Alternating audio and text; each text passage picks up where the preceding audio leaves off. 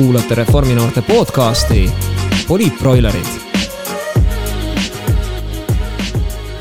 nii ja meie Reforminoorte podcasti järgmine episood on nüüd eetris.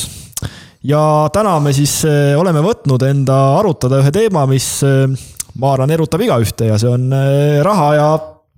konkreetsemalt ka siis maailmamajandust, et räägime selle aja jooksul sellest, mis toimub meil siin nii Eestis kui ka laiemalt eh, maailmas üldse. ja et eh, arutelu oleks põnev, siis eh, on meil ka täna, ütleme asjaga väga kursis olevad saatekülalised, et esimene on siis meie oma Reforminoorte eesseisu esimees Karl Remets, kes on majandustaustaga, õppinud seda Tartu Ülikoolis ja ka hetkel töötab Tartu Ülikooli majandusteaduskonnas, nii et kindlasti mees, kes teab, millest räägib. Ja noortele meestele oleme siia ka vastukaalus kutsunud siis eh, kogenumat esindaja, et eh, meiega on ka endine Eesti Panga asepresident Andres Sutt, kes on siis samamoodi väga pika aja jooksul majandusega seotud olnud, erinevaid kriise ja aegu näinud. ja mina olen siis tänane saatejuht eh, Sander Andla. Ja mis mind majandusega seob, on, olen seda nii ülikoolis õppinud ja juhtinud ka ühte üsna edukat Eesti õpilasfirmat. Aga nüüd asja juurde minnes, et eh, ma alustaks siiski nagu kohe sellega, et eh, noh, kõigepealt, kui tahame kuhugi jõuda, siis on esiteks vaja aru saada, et kus me üldse oleme. ja minu esimene küsimus teile ongi see, et kuidas te nagu mõlemad hindate, et millises seisus Eesti majandus praegu nagu on ja millised on Eesti majanduse väljavaated, et kas läheb hullemaks või läheb paremaks? ja alustame äkki, Kaarl, sinust kui vaadata praegust olukorda, siis tegelikult on üsna heas seisus, et äh, kui vaadata tänast uudist, mis välja tuli, et äh, et kolmandas kvartalis tegelikult Eesti SKT tõusis, aga noh, aasta võrdluses ta tegelikult on langenud, aga üldjuhul on näha ikkagi, et teatud sektorid on nagu taastumas, näiteks kaubandus aga muidugi on ka neid sektoreid, mis on kannatada saanud, kuid üldpilt on hea, et näiteks järgmine aasta ka on Eesti majandusele näha kasvu, et kriisijärgselt, et ta vaikselt on ikkagi taastumas sellest kriisijärgsest olukorrast. no seda on küll rõõm kuulda, aga Andres, mis sina arvad? kas ma peaks nüüd olema pessimistlikum, optimistlikum või, või enam-vähem samal lainel, et eh, noh, ma, kui ma lihtsalt eh, seda praegust kriisi vaatan ja kõikide eelnevatega kõrvutan, kus mul kogemust on olnud, et siis eh, noh, seekord on, on ikkagi hästi-hästi palju teistmoodi, need põhjused on hoopis teised ja ma olen, olen Karliga nõus, et noh, tegelikult olukord on ikkagi palju parem, kui me kevadel kartsime. et lihtsalt mõned näited, noh kui vaatame näiteks tööpuudust, mis läheb kõigile hästi korda et see on umbes kaheksa protsendi peal praegu, ehk siis viiskümmend üks tuhat inimest ja natuke peale. Lihtsalt ka jälle võrdluseks, eks aasta alguses oli töötuid umbes kolmkümmend viis tuhat. Nii et, et sihukest tööturu kokkukukkumist tegelikult ei ole juhtunud ja ma arvan, see on nagu väga hea, mis näitab, et majanduse vastupanuvõime üldiselt on olnud suht-koht korralik, loomulikult on sektoreid, mis on kõvasti pihta saanud, et noh, räägime turismist, räägime toitlustusest, hotellindusest, et noh, see on kõik hoopis teistmoodi. Ja võib-olla nii palju veel, et noh, kindlasti meil tuleb ka eelarvest juttu, aga lihtsalt etteruttavalt, et kui me vaatame näiteks eelarve laekumisi, siis kümne kuuga on äh, need laekumised ainult kaks koma kuus protsenti väiksemad kui möödunud aastal. ehk tegelikult see on ka peegelpilt jällegi sellest, et majandus tervikuna äh, on suhteliselt okeilt toime tulnud, mis muidugi tähendab, et kõik äh, järgmise aasta eelarveprognoosid ja eriti see defitsiidi pool, et, et, et see on selgelt väga vale Äh, väga vale rahanduspoliitika. no seda on äh, rõõm kuulda, et äh, olukord ei ole, ütleme siis nii hull kui kardeti. aga mis te nagu arvate seda, et kas selles, et see seis ei ole läinud nii hulluks, kui võib-olla siin varasemad prognoosid on, et kas see on puhtalt, et meie majandus on tugev või on siin olnud ka näiteks poliitikutel ja valitsusel mingi roll? noh, ma arvan, see alus on ikkagi majandus tervikuna, et, et noh, kui me räägime toetusmeetmetest, siis siin on ju ka väga lihtsustatult võib neid kahte kategooriasse jagada, et mis väga hästi töötas, oli Töötukassa meede, et see kindlasti aitas hõivet säilitada. Eh, aitas sellest väga keerulisest ajast kevadel ja, ja varasuvel üle saada. aga noh, kui me teistpidi vaatame näiteks Maaelu Edendamise Sihtasutuse kaudu jagatud raha või, või ka teatud KredExi projekte, et, et, et siis noh, need meetmed ei ole, ei ole läinud nagu õiges suunas ja ma arvan, kõige suurem etteheide, mida tegelikult ka ettevõtjad on valitsusele öelnud, et nad ei saa aru, mis on suund. et neil puudub kindlustunne tuleviku suhtes, et millist raami ehitatakse, et kuhu me liigume ja ma selle kriitikaga olen igal juhul päri. nii, Karl ja et ma olen ka sellega nõus, et just äh, toetusmeetmed on aidanud nagu töökohti säilitada, et inimesed ei jääks töötuks, noh, tegelikult inimestel on vaja ju arved ära maksta ja noh, selle pealt nad tegelikult ju loodavadki, et neil töökohad ju säiliksid. ja no kindlasti ka paremad varasemad rahanduspoliitikad on ka aidanud täna toime tulla, et äh, mis ka tänasel valitsusel võimaldanud laenu võtta, et äh, olemasolevaid kahjusid nagu korvata ja investeeringuid teha, aga noh, tänase valitsuse puhul näeme, et need investeeringud on läbi mõtlemata tegelikult, et raha suunatakse kuidagi nii, kuidas ette tuleb, et sihukest nagu pikaajalist plaani on tegelikult ette ei ole näha, et mida nad selle rahaga tegelikult plaanivad teha. ehk siis, kui seda nüüd raadiokuulajale, kes võib-olla ei ole majandust õppinud tõlkida, siis eh, valitsuse mingid meetmed on aidanud. aga on ka tehtud asju, mis eh, võib-olla ei ole just suuresti abiks olnud, aga peamine tänu peab siis kuuluma ikkagi Eesti ettevõtjatele, kes ja varasematele majanduspoliitikatele, kes siis sellise seisu on võimaldanud. aga üks asi, mis mind nagu on alati huvitanud, et noh, siin ju alles enne seda koroonakriisi majandus kõvasti tõusis ja räägiti ka seda, et noh, kui tõuseb, mis läheb üles, peab ka alla tulema. et kas te arvate, et isegi kui seda koroonat ei oleks praegu tulnud, et kas Eesti majanduse kasv oleks jätkunud või oleks mingil ajal ikkagi mingil ajal ikkagi mingisugune langus tulnud? no igale tõusule järgneb langus, et vähemalt mina ei ole oma kolmekümne pluss aasta jooksul äh, kogenud seda, et, äh, et midagi, äh, mis on kasvanud, ongi elu lõpuni kasvama jäänud, et. et selles mõttes noh, igale tõusule järgneb ka mingi kohanemine. küsimus on, et kui järsk see on, kui hästi majandus on selleks valmis, kui hästi riigi rahandus on selleks valmis et noh, ma arvan, majandusteooriat ei ole ikkagi erinevad poliitikad ja poliitikud ümber lükanud. et noh, lihtsalt, mis seekord on teisiti, et me räägime tervishoiukriisist, mis on mõjutanud ka majandust, et noh, varasemad kriisid on ikka olnud hästi palju seotud siis noh, ütleme reaalmajanduse finantssektoriga ja, ja noh, seetõttu on ka see tagasilöök olnud võib-olla sügavam ja, ja, ja, ja pikem. nii et et eks ta, eks ta selles mõttes on loogiline rada, mis tuleb, aga noh, ma arvan, et õige on ka öelda, et juba tegelikult möödunud aasta lõpus ja selle aasta alguses majandus näitas aeglustuse, aeglustumise märke, nii et, et noh, mingi aeglustumine oli ju juba niikuinii sees. Karl, enne kui ma sulle sõna annan, siis ma küsiks ka siia juurde sult eh, hiljem ka Andreselt, et aga mis siis olid nagu nüüd võib-olla probleemid Eesti majanduses enne juba koroonakriisi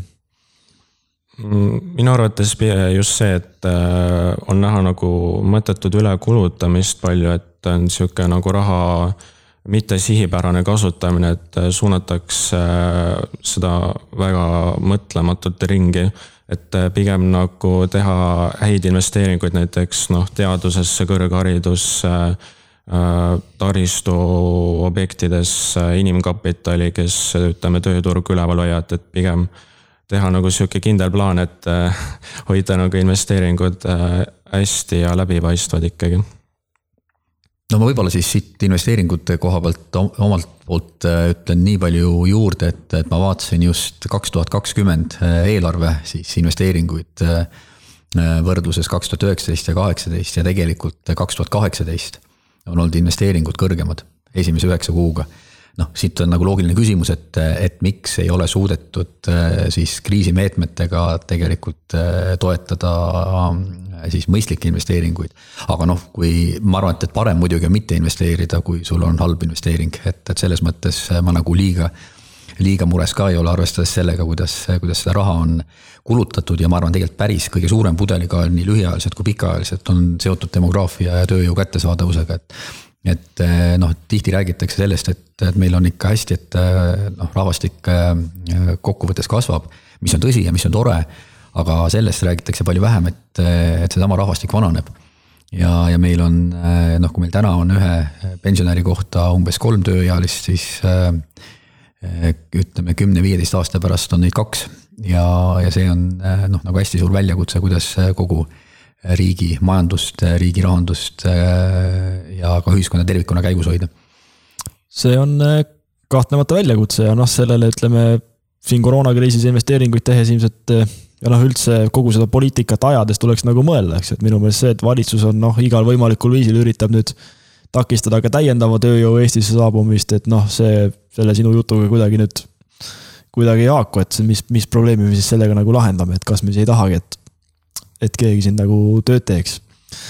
aga siin ka nagu noh, me juba probleemidest nagu rääkisime, mis nagu olid ja mis olid eh, sõltumata sellest koroonakriisist. aga iga kriis teatavasti on ka nagu teatav võimalus, et seda on nagu paljud juhid öelnud, et eh, igas kriisis saab ka areneda. endine peaminister Andrus Ansip on öelnud, et eh, head kriisi on kahju raisku lasta. ja noh, kui me mõtlemegi eelmisele kriisile tagasi, siis noh, siis me saime ühe lõpptulemusena euro omale et kas on ka nagu midagi teile silma jäänud, et mida me saaks võib-olla tulevikus öelda, et näed, see koroonakriis, ta oli raske. aga tänu sellele me saime midagi juurde, et milliseid arenguvõimalusi te nagu näete, et see praegune, praegused raskused võivad Eestile pakkuda, et kas needsamad probleemid, mis te eelnevalt välja tõite, võiks ütleme ka osasid tänu sellele kriisile, mis meil praegu on, ära lahendada? Karl. Äh, kindlasti, et Äh, mida on nagu see kriis meile õpetanud, et äh, inimesed on hakanud rohkem säästmisele mõtlema, et, et pannakse hästi palju rõhku raha hoidmisele, et. Äh, et noh, kui mingi kriis tuleb, et siis inimestel võiks nagu mingi rahaline puhver olla, et noh, inimeste isiklikku rahakotti hoida. ja mis on nagu veel õpetanud, et teha nagu mõistlikke rahalisi otsuseid ja igasuguseid investeeringuid. ja noh, kui ongi tavaliselt mingi kriis tuleb, et siis kohe inimesed nagu vaatavadki, et, et, et oo, et. et nüüd peabki nagu hoolikamalt käituma, et, et tavaliselt on ikkagi see tendents, et äh, oodatakse ikkagi just kriisi, et midagi nagu tehakse, aga. aga noh, näha on seda, et äh, pigem see on nagu õpetanud äh, rahaga õigemini ringi käima. ja sa ise oled ka oma rahavalikutes siis muutunud hoolikamaks või kuidas see on muutunud? Ja et äh, ma olen ka just raha hakanud rohkem vaatama ja kuhu ma nagu seda suunan, et äh, kui alati kriis tuleb, et siis tegelikult on sul raha vaja, et noh. see on tihtipeale niimoodi, et äh, inimesed ei vaata, kuhu nad raha kulutavad ja siis ühel hetkel, kui on kriis käes ja oleks vaja teha mingeid ootamatuid kulutusi, mida sa tegelikult ette ei näinud. et siis ongi vaja kuskilt seda raha võtta ja noh, kriisi ajal laenamine on üsnagi riskant, riskantne, eriti nendele Eesti inimestele, kes töötavad võib-olla keskmisest palgast natuke madalamal, et neile on just seda eriti, eriti kahjulik soovitada tegelikult. seda on jällegi selles mõttes nagu, et rahatarkus on paranenud hea kuulda, sest mina olen nagu lugenud seda, et eestlaste finantskirjaoskus ei ole olnud eh, vähemalt varasemalt eh, kõige kõrgem, et kui see on arenenud, siis eh, noh, see on ka ju üks, üks positiivne asi, kui eestlased rohkem säästavad ja võib-olla ka mõtlevad investeerimise peale ja targa tarbimise peale, et see on ju ainult abis aga Andres, mis sina arvad, et mis arenguvõimalusi see praegune kriis meile pakub? noh, ma arvan, et eh, nii nagu kõik eelmised, et, et see kriis on eh, noh, meil need kitsaskohad sihukest ilusti teravalt eh, ja valusalt välja toonud, et noh, natuke ma juba demograafiast rääkisin, et siin hiljuti oli riigikontrolli audit või aruanne, mis siis oli just avalike teenuste koha pealt ja noh, see karm tõde, mis sealt vastu vaatas, oli noh, nagu hästi lihtne, et, et viie-kümne ehk siis mitte viis-null, vaid viis kuni kümme aastat äh, ette vaadates. Äh, meil on probleeme, kuidas leida õpetajaid, kuidas leida arste, kuidas leida õdesid, äh, päästjaid, politseinikke. sest lihtsalt need inimesed, kes täna töötavad, et need vaikselt suunduvad pensionile ja uut järelkasvu peale ei tule. ja selles võtmes noh, mu meelest on nagu ülioluline ikkagi keskenduda sellele, et kui atraktiivne Eesti on, kui atraktiivne on Eesti elamiseks, kui atraktiivne on Eesti investeerimiseks, kui avatud me oleme. ja, ja kui me tahame ikkagi noh, tulevikus ja eriti nüüd äh, teie põlvkonnast rääkides. et, äh, et, et te mitte ei peaks maksma rohkem makse ja saama kehvemaid teenuseid aga võib-olla maksate vähem makse ja saate veel paremaid teenuseid, et see eeldab ikkagi nagu hästi-hästi suurt kapitali sissevoolu. sest kui meil inimesi juurde ei tule, tööealisi. pigem jääb neid vähemaks ja tahame majandust kasvatada, ega siis on ainult äh, kaks äh, lihtsat asja majandusteooriast, rohkem investeeringuid ja, ja kõrgem äh, tootlikkus ehk rohkem innovatsiooni. ja noh, täna on just see koht, kus jällegi on, oleks õige suunata palju rohkem siis raha teadus-arendustegevusse, rakendusuuringutesse, aga mitte lihtsalt raha olemasolevasse süsteemi juurde pannes. vaid seesama rakendusuuringute keskus, millest me oleme palju rääkinud, ehk et mis viib siis kokku ettevõtjad ja teaduse sihukese hea sillana, nii nagu ta töötab Soomes, nii nagu ta töötab Singapuris, Ühendriikides, Saksamaal et eh, noh, praegu oleks just hea aeg eh, ära kasutada seda võimalust ja, ja, ja see rakendusuuringute keskus käima lükata, et Soome poolt on hästi avatud suhtumine. noh, teine asi, meil tuleb ju hästi palju praegu toetusrahasid avaneb Euroopa Liidust, Euroopa Liidu eelarvest, et ka see on eh, seotud ju otseselt majanduse konkurentsivõime, majanduse tootlikkuse kasvatamisega, kui me räägime noh, kliimast laiemalt, mitte ainult fossiilsete kütuste vähendamisest vaid räägime sellest, et ettevõtted on võimelised ise oma CO2 jalajälge mõõtma. valik, mille tarbijad järjest enam peale, peale suruvad, et äh, sihukene kaks-kolm olulist asja suures pildis, ma arvan, see on see, millele tuleb keskenduda. Äh, noh, täna noh, paraku mida me näeme valitsusest, on rohkem sihuke miljon sinna, miljon tänna ja, ja sedasi me noh, kindlasti asju paremaks kvalitatiivselt ei tee jah, no ma loodan, et raadiokuulaja jättis selle nüüd meelde, et, tegelikult arenguvõimalusi on ja asju, mida me saaks praegu teha, et tulevikus eh, oleks kõigil parem siin elada, noh, mulle isiklikult meeldis see mõte, et maksad vähem ja saad paremaid teenuseid, et eh, selle vastu vist ei saa kellelgi midagi olla. et eh, kindlasti seda on, seda on taaskord hea meel kuulda, aga noh, mul on ka natuke nagu selles mõttes kurb meel, et jällegi natuke siin poliitikat jälgides, vaadates ka noh, valitsuse tegevust, pigem on jah sihuke, et laseme hästi suurde miinusesse. viskame raha, ütleme pigem noh, oma sõpradele, tuttavatele kuidagi, kuidagi nagu süsteemitult käib see, ei ole seda suurt eh, visiooni, et eh, kuidas seda kriisi enda, enda kasuks tööle panna, vaid pigem, pigem isegi kahjuks see, et nähakse lihtsalt võimalust seda kriisi kuidagi enda huvides ära kasutada, võtta suuremaid laene. et noh, varem see ei olnud Eestis äh, justkui hea plaan, laenukoormuse suurendamine, aga nüüd on see justkui okei okay,, et paljud eksperdid on andnud sellele rohelise tule. ja selle varjus siis valitsus on ka läinud nagu laen-, laenama, aga mis me sellest saame, eks ju, et see küsimus. see küsimus jääb vähemalt äh, minu jaoks äh, arusaamatuks.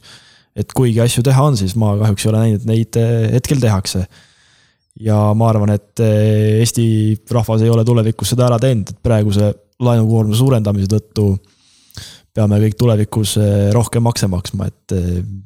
see jah, loodame, et eh, seda juhte suudaks, suudetakse ära hoida. aga riigihädast nagu veel, et võib-olla, mis te nagu näete, et mis seal veel võiks olla või mis sealt võiks siis nagu ära võtta? et me seda praegust kriisi järgmisel aastal ja lähiajal enda huvides saaksime nagu võimalikult hästi ära kasutada Karl? Äh, mida võiks nagu ära võtta, on see, et ähm, just seda mõttetut nagu ülekulutamist ja kindlasti see ka, et äh, oma jooksvate kulude katmist, et selle jaoks just raha kasutatakse praegu ka hästi palju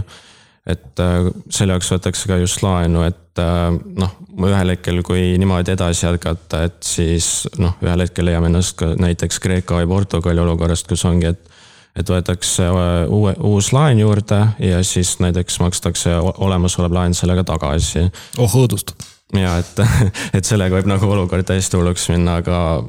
hetkeseisuga noh, kõik Euroopa riigid niikuinii laenavad, et see on noh, uus normaalsus, aga ikkagi nagu vaadata, et sellega nagu liiga liiale ei mindaks, et teha nagu seda mõistlikult.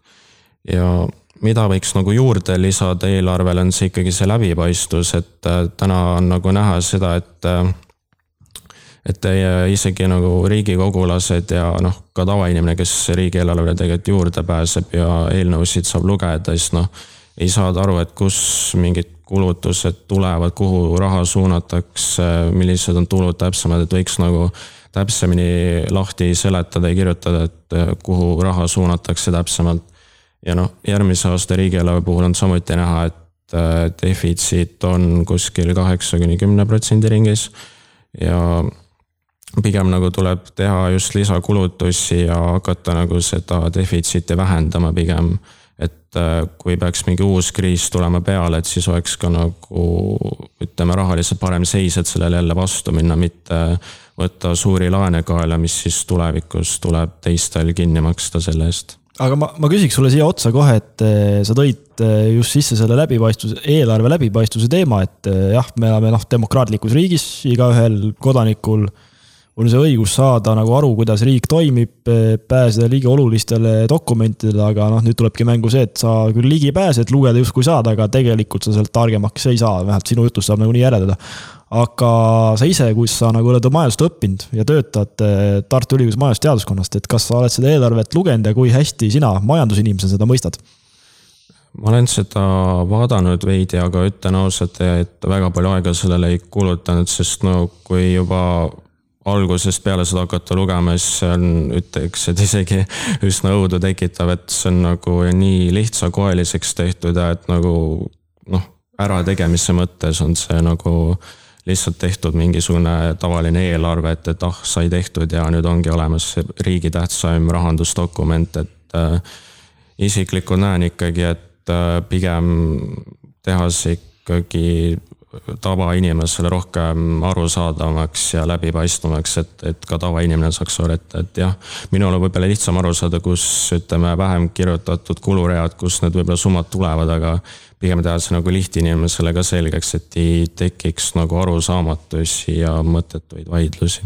jah, ja ma isegi ütleks, et mitte võib-olla kasutada lihtinimesed erinevalt, vaid ütleme inimesele, kes siis ei ole nagu kas siis rahandus, majandusspetsialist või ei tööta poliitikas, et äh, igal ettevõtjal, muul kodanikul peaks olema vähemalt see võimalus aru saada, kuhu raha kulub. just. aga kas Riigikogus äh, ka mingeid mõtteid selles suunas nagu liiguvad, et eelarvet äh, muuta siis paremini arusaadavaks, läbipaistvamaks? no Riigikogus liigub kogu aeg igasugu mõtteid, eks ole, ja meil on isegi suurepärane toetusrühm selleteemaline tekitatud, kes tõsi, pole küll väga palju kohtunud, et, et kunagi ma arvan, see oli äkki selle aasta siis sügishooaja alguses äh, või oli see kevadel, et, et siis äh, oli jutt, et peaks midagi tegema, aga sinna, sinna paika ta jäi, et, et tegelikult me ise oleme ju esitanud ühe eelnõu kavandi Riigikogus mille eesmärk on just eelarve läbipaistvuse suurendamine, regulaarse aruandluse sisseviimine, mis on noh, endiselt puudu. et minu jaoks oli üks suuremaid üllatusi, kui ma Riigikokku tulin, et, et sihukest regulaarset eelarve täitmise seiret tegelikult ei tehta, et rahanduskomisjonis seda ei ole ja nagu selgus, ei tee seda ka valitsus. noh, mis näitab ka seda, et, et miks tihtipeale tulevad asjad üllatusena, et et miks defitsiit tuli nii suur või, või, või midagi kolmandat, et sihukest elementaarset noh, nagu finantsaruandlust, finants ähm, äh, arutelu, et, et, et ma tunnen sellest nagu hästi palju puudust ja ma arvan, see on, see on igati vajalik. ja noh, siin Karl juba mainis äh, sihukest äh, läbipaistvuse ja üldistatuse teemat, et jah, seal on üle neljasaja lehekülje, milleks on äh, kindlasti väga palju inimesi kulutanud tohutu hulga tunde aga mis me sellest nagu paremaks saame, noh nii nagu riigikontrolör ütles, et see eelarve on läinud juba nii üldiseks, et, et seda eelarvet rikkuda ongi sisuliselt võimatu. ehk et, et, et, et noh, sellist äh, dokumenti sellisel kujul noh, see veel paremal juhul hoiab meid paigal, aga ta kindlasti ei vii meid edasi, et, et mis on need prioriteedid, mõõdikud, noh, seal on hästi palju asju, kus, äh, kus, kus tegelikult äh, need mõõdikud ei ole noh, nagu päriselus äh, järgitavad või neid ei suudeta mõjutada. Ja noh, sa saad alati seda, mis sa mõõdad, et, et kuna, kuna mõõdikud on üldised või neid ei ole üldse, et, et siis on ka raske, raske seda järgida. ja, ja noh, ja noh, näiteks päris probleemi, noh, ma võin siin paar näidet tuua. Riigi eelarvestrateegia, mis justkui on ka oluline, jätame selle justkui ära, on kindlasti oluline dokument. ja seal öeldakse, et õpetajate palk järgmisel neljal aastal ei tõuse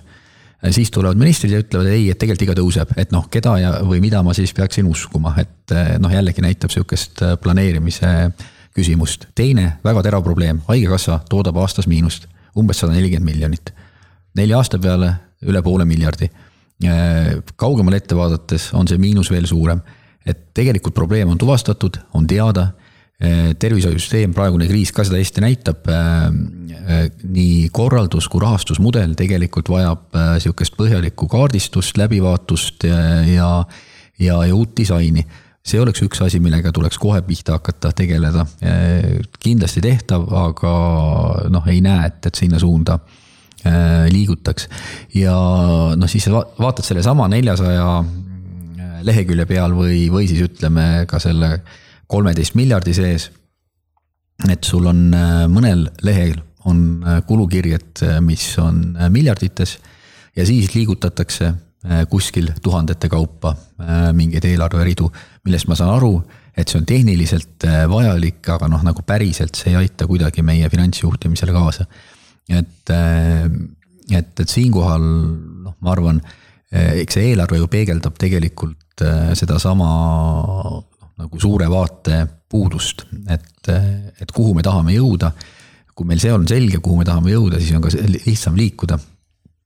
no ma loodan, et need valitsuse liikmed, kes praegu seda saadet kuulavad ja ka koalitsioonierakondade Riigikogu liikmed tegid siin omale olulisi märkmeid, ülestähendusi ja ma saan aru, et Riigikogus praegu eelarve arutelud veel käivad, et parandamisruumi on ja loodame, et asi saab, asi saab korda. ja see on palju põnevam saade kui see pühapäevane Tre raadio, mina soovitan küll seda podcast'i kuulata. igal juhul. absoluutselt, seda jah, Tre raadiot ei olegi, mis sa sellest ikka kuulad, kaks natukene senilisemat härrasmeest panevad oma mõtteid kahjuks on nad lihtsalt valitsuse liikmed, et aga see selleks.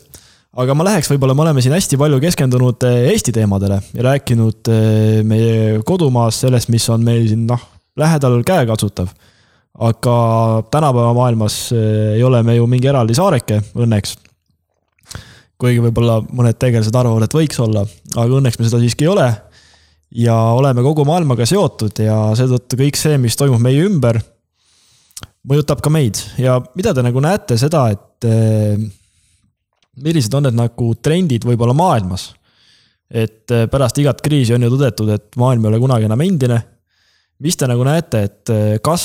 pärast seda koroonakriisi võib midagi, mingid jõujooned muutuda, kas näiteks Hiina tõuseb esile, kas võib-olla hoopis Euroopa Liidus saab maailma juhtiv jõud? et mida te nagu selles näete, sest päeva lõpuks ka see kõik ju hästi palju mõjutab seda, mis meil siin kodumaal toimub no seda on näha, et äh, jõujooned on muutumas, et kui vaadata kasvõi Hiina pealt, et Hiina on tõusev majandus, see on nagu kõigile tänapäeval selge, et Hiina üritab nagu ennast esikohale saada, et USA-st ette minna, et hakata ise nagu dikteerima, et mis on nagu majanduses õigem ja mis mitte. et noh, see on kõigile teada, et Hiinal tegelikult on raha ja seda on tal palju igale poole suunata, et Hiina nagu üritabki oma poolt, ütleme teistes riikides ka ettevõtteid üle osta ja noh, tihtipeale hiin-, hiinlastele ka neid maha müüakse, sest teadakse, et nemad alati need ära ostavad. et on nähagi seda Hiina mõjuvõimu kasvu just oma investeeringute mõttes, et äh, Hiinal on lihtsalt seda raha nii palju, kuhu seda suunata ja noh, kui vaadata tegelikult kriisiaega, siis Hiina majandus on küll aeglasemalt veidi tõusnud, mõned protsendid, aga ikkagi ta tõuseb. ehk siis äh, tendents on see, et ikkagi Hiina on USA-le kanda astumas iga kord. ja noh, USA positsioon jällegi on pigem just äh, nõrgenemas, et on näha ju, et eelarve defitsiit on ju triljonites. et äh, just see, kui ta rahvale seda raha jagas hiljuti mõne triljoni eest, et, et see oli natukene minu jaoks äh, veidi halb, et raha lihtsalt niisama nagu laiali jaotatakse, et see võiks nagu si sihipärasem olla. ja no see on ka jällegi, et äh, Hiina ju tegelikult USA võlga ostab kokku, et äh, et noh, hiinlased ju rahastavad ka USA-lasi, et neil oleks seda raha jällegi olemas, kuigi noh, USA-s on jällegi majandus selle võrra noh, parem ikkagi, et neil on seda raha ka jällegi olemas sellegipoolest ja noh, mida on praegune USA valitud president nüüd lubanud teha, et just äh, koostöös äh, Euroopa Liiduga võtta nagu Hiina väljakutseid vastu ja rohkem nagu sihukest tasakaalukamat koostööd luua, et äh, mitte nagu see, et, et üks võtab kõik ja teistel ei jää midagi, et nagu rohkem sihukest koostöö arendamist on näha kindlasti tulemas. ja kas nagu Euroopa Liit võiks ka saada nagu juhtivaks jõuks, et äh, ma arvan, et seda ei juhtu, kuid Euroopa Liidul on sihuke rohkem koostöö ja nõuandevam roll, et äh, kuidas võiks nagu midagi täpsemalt teha ja, ja kuhu võiks nagu raha suunata ja mida võiks nagu veel paremini teha aga see Hiina nagu esiletõus, et äh, kui sa ütled, et äh, vähemalt mõjujõud kasvab, et kas see on asi, mille pärast me peaksime siin Eestis, noh arvestades seda, et Hiina ei ole ju demokraatlik riik, ei kasuta alati kõige sõbralikumaid meetodeid, et kas me peaks olema selle pärast nagu mures, jälgima seda murelikult? kindlasti peaks seda jälgima, et Äh, just seda, et Hiina tahab nagu enda raha, raha just siia tuua, et vaadatagi, et äh, mis on nagu nende põhjus, miks nad tahavad seda teha, et teha nagu see taustauuring ära, et kas neil on äkki mingi noh, kasvõi luure mingisugune tagamõte olema, on või et äh, noh, et seda kindlasti jälgida. Ja pigem nagu enne, kui seda kõike vastu võtta, mida Hiina pakub, et tehagi nagu vastavad analüüsid, et, et kas on nagu mingeid alternatiivseid pakkumisi, mida võiks Hiina puhul kaaluda, et noh, alati ei ole ju Hiina see, kes nagu oma raha meile siia toob, et on ka teisi riike, kes äh, välisinvesteeringuid Eestisse paigutab, noh kasvõi näiteks Saksamaa autotootja Volkswagen on ju Eestis jällegi suurt investeeringut tegemas ja ja kindlasti ka paljud teised riigid, et äh, Hiina ei ole ainuke riik, kellel on raha, et Eestisse investeerida. aga siis Eesti metsad võiksid pakkuda Hiina, Hiina ettevõtjatele huvi? Äh, seda kindlasti, et äh, Eesti metsandus ja puit on nagu üks sihuke eksportiv allikas meil, mida, millest kõik on huvitatud ja muidugi meie põhjanaaber Rootsi eriti. nii, aga Andres, mis arenguid sina näed, mis meil siis pärast seda kriisi uut on? no kellel see kristallkuul nüüd siin käes on, et, et noh, ma arvan nagu e-, esiteks, et kindlasti mida Covid tegi, ta kiirendas juba olemasolevaid trende, et ega Hiina tõus Äh, ei ole ju midagi, mis äh, nüüd ootamatult kahe tuhande kahekümnendal aastal aset leidis, et see on ikkagi äh, pikema protsessi tulemus, väga teadlik tegevus Hiina, Hiina riigi ja, ja siis Hiina Kommunistliku Partei poolt, et neil on ju väga selge ambitsioon aastaks kaks tuhat nelikümmend üheksa olla maailma võimsaim riik majanduselt, tehnoloogiliselt, mõjult ja ka sõjaliselt ja sinna suunas nad väga sihikindlalt liiguvad ja, ja kui me vaatame nüüd võib-olla ajaloos äh, nagu rohkem tagasi, et, et, et ma arvan, see muutus, mis, mis siin täna, mille keskel me kõik elame. et, et, et kui siis pärast teist maailmasõda sai formaalselt läbi Pax Britannica ehk siis äh, Briti sihuke liidriroll maailmas ja see asendus Ameerika omaga, siis täna noh, ma arvan, see murdepunkt on enam-vähem sama, ainult et siis Ameerika eh, sihuke mm, mõjuvõim ja, ja liidripositsioon, et, et seda on Hiina endale haaramas. ja noh, loomulikult eh, see on hoopis tei-, nii nagu sa, Sander, ütlesid, et, et see on riik, mis ei ole juhitud demokraatlikult, mis tegeleb teiste põhimõtete järgi. ja millel on nagu ülipalju majanduslikku võimekust ja tehnoloogilist ja innovatsioonivõimekust. et selles mõttes eh, noh, on maailm täna palju rohkem omavahel seotud ja, ja noh, ütleme, kui ma siit Euroopat vaatan, et äh, et jah, et ma arvan, Euroopana meil on nagu ülioluline, et me tegelikult äh, näeksime ikkagi ennast väga selgelt sihukese tervi-, ühe tervikuna. sest et ka siin on nagu oluline mõista, et, et miks Euroopa Liit üldse tekkis ja Euroopa Liit tekkis selleks, et Euroopas ei oleks enam sõdu et kui panna kaalukausile see, et kas meil on rahu või meil on mingid asjad, mida me otsustame keskselt, eh, siis ma arvan, neid valikuid on palju lihtsam teha. ja mitte takerduda sihukestesse igapäevastesse pisiasjadesse, mis tunduvad eh, tohutult tähtsad. aga kindlasti on noh, meil nagu laiemalt sihuke liidri küsimus Euroopas, et, et, et oleks tugevaid liidreid, kes suudavad siis Euroopat maailmakaardil hoida ja noh, tänases olukorras noh, ma ikkagi näen liikmesriikide juhtidest äh, president Macroni sisuliselt ainsana, kes suudab äh, maailmapoliitikas sõna sekka öelda, sest Angela Merkel noh, kindlasti täna on ju pigem lahkuv kantsler kui, kui, kui see, kes järgmist kümmet või viiteist aastat kujundab. nii et, et tugev Euroopa on, on endiselt meile ülioluline, ülitähtis ja noh, kindlasti pärast Ameerika valimisi, ma arvan, sihuke, mis meile tundus normaalsus, tuleb, tuleb moel või teisel tagasi, aga siin on palju muid siukseid sügavamaid hoovusi ka.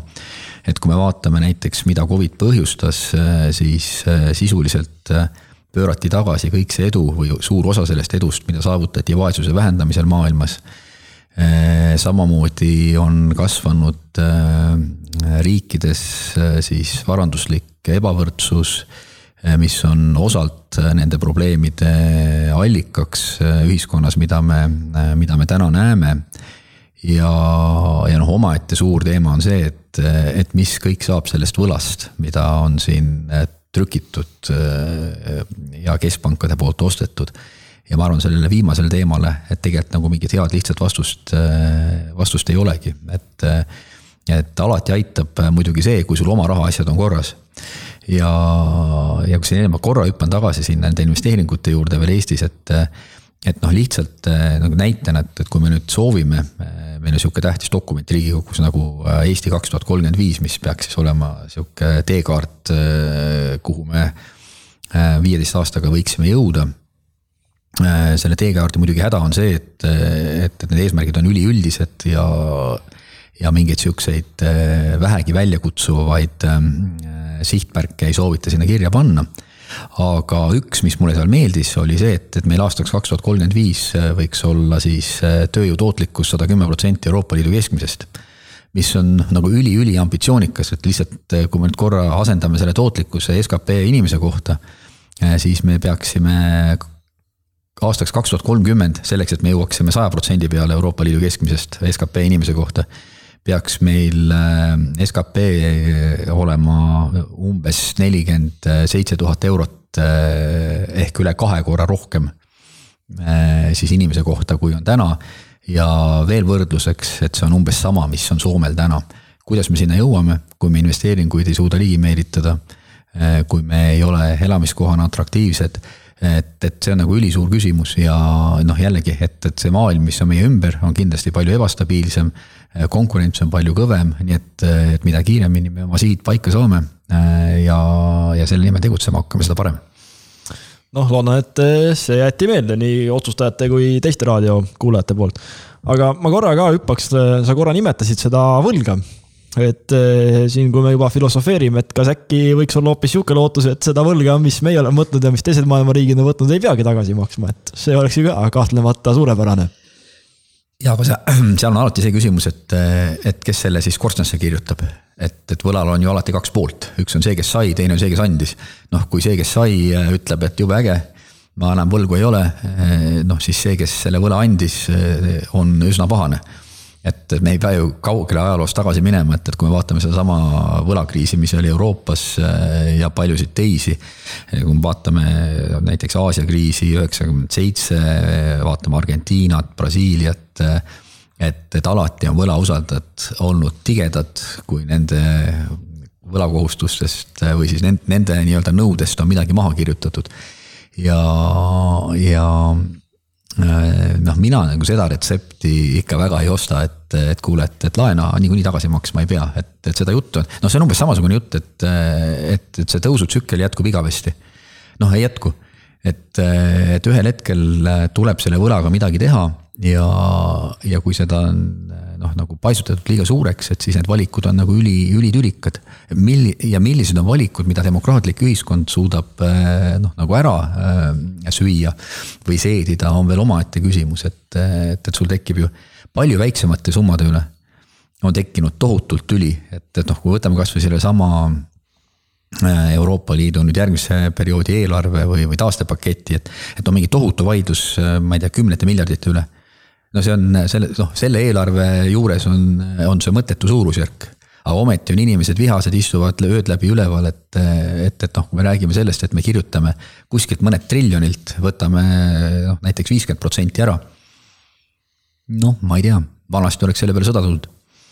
noh, kes, keskpankurid on jah, jah jälle öelnud, et tuleb ikka laen tagasi maksta, et ei saagi mulle tundetult laenata, et nagu te ikka alati ütlete. aga Kaarl, mis sina arvad, kas ikka tuleb tagasi maksta? Või, äh, või on meil lootust ikkagi, et saame kuidagi kergemalt? Äh, minu arvates tuleb tagasi maksta, et äh, Kreeka on näiteks see näide, kes noh, oma suure võlakriisi tõttu on hakanud oma võlga tagasi maksma ja on viinud laiaulatuslikud majandusreformid läbi, et on näha juba, et Kreeka on nagu vaikselt kriisid taastumas, kuigi on ka juttu sellest olnud, et osa nagu Kreeka riigivõlast võiks nagu korstnasse kirjutada. aga see on jällegi kahju, ütleme, ka ülejäänud Euroopa riigi Euroopa Liidu riikidele, kes on, ütleme, selle jaoks raha andnud, et Kreekal oleks millegi eest, mida maksta, on ju. et äh, see on nagu üks asi, mis oleks korstnasse kirjutamisel kahjulik, et need, kes on äh, nii-öelda võlgnikule raha laenanud ja kui see ühel hetkel lihtsalt korstnasse kirjutatakse, et siis see on nagu rahaandjate kahju rohkem, et äh, Kreeka on nagu sihuke üks hea näide, kes on korstnasse kirjutamise asemel valinud just võla tagasimaksmise, et, äh, et see on just nagu Äh,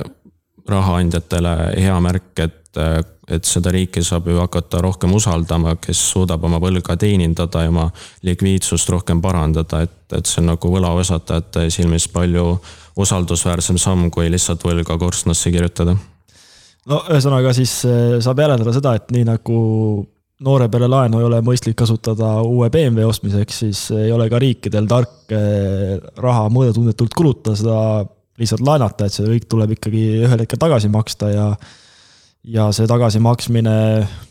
noh, pärast suurt pidu on ikka halb olla, nii et eh, olge vastutustundlikud. aga ük, üks võib-olla teema veel siia lõpetuseks, et eh, noh, juba korra käis siin arutelul läbi, et eh, vaesuse nagu seda,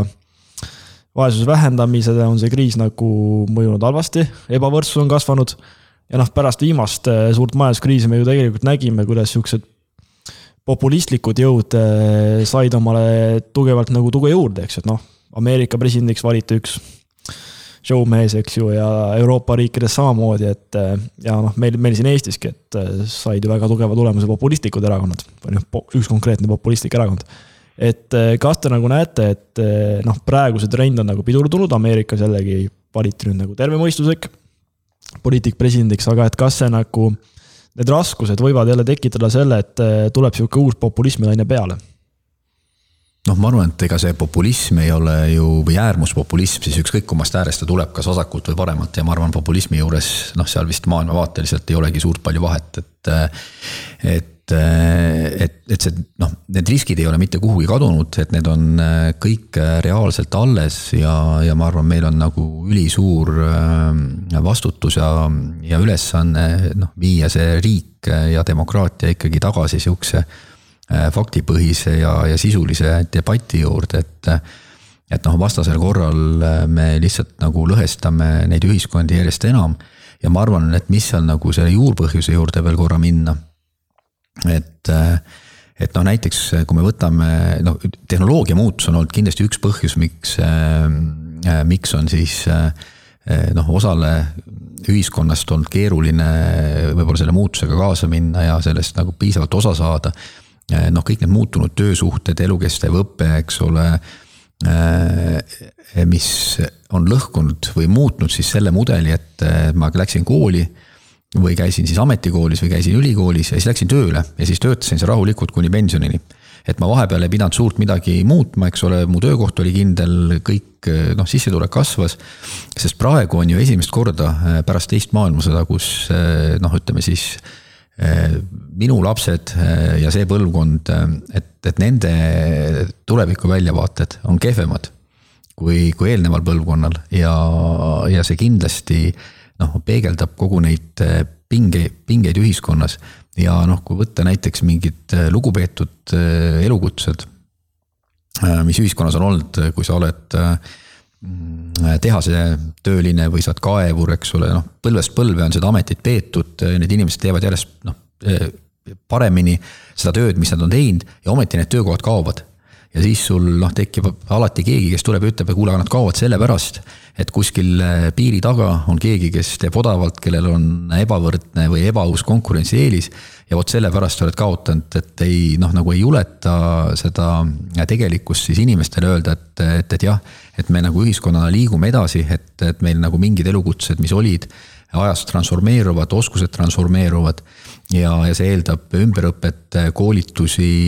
äh, ja palju muid asju ja kindlasti eeldab ka noh, nagu tarka investeerimist ja, ja tarku toetusmeetmeid.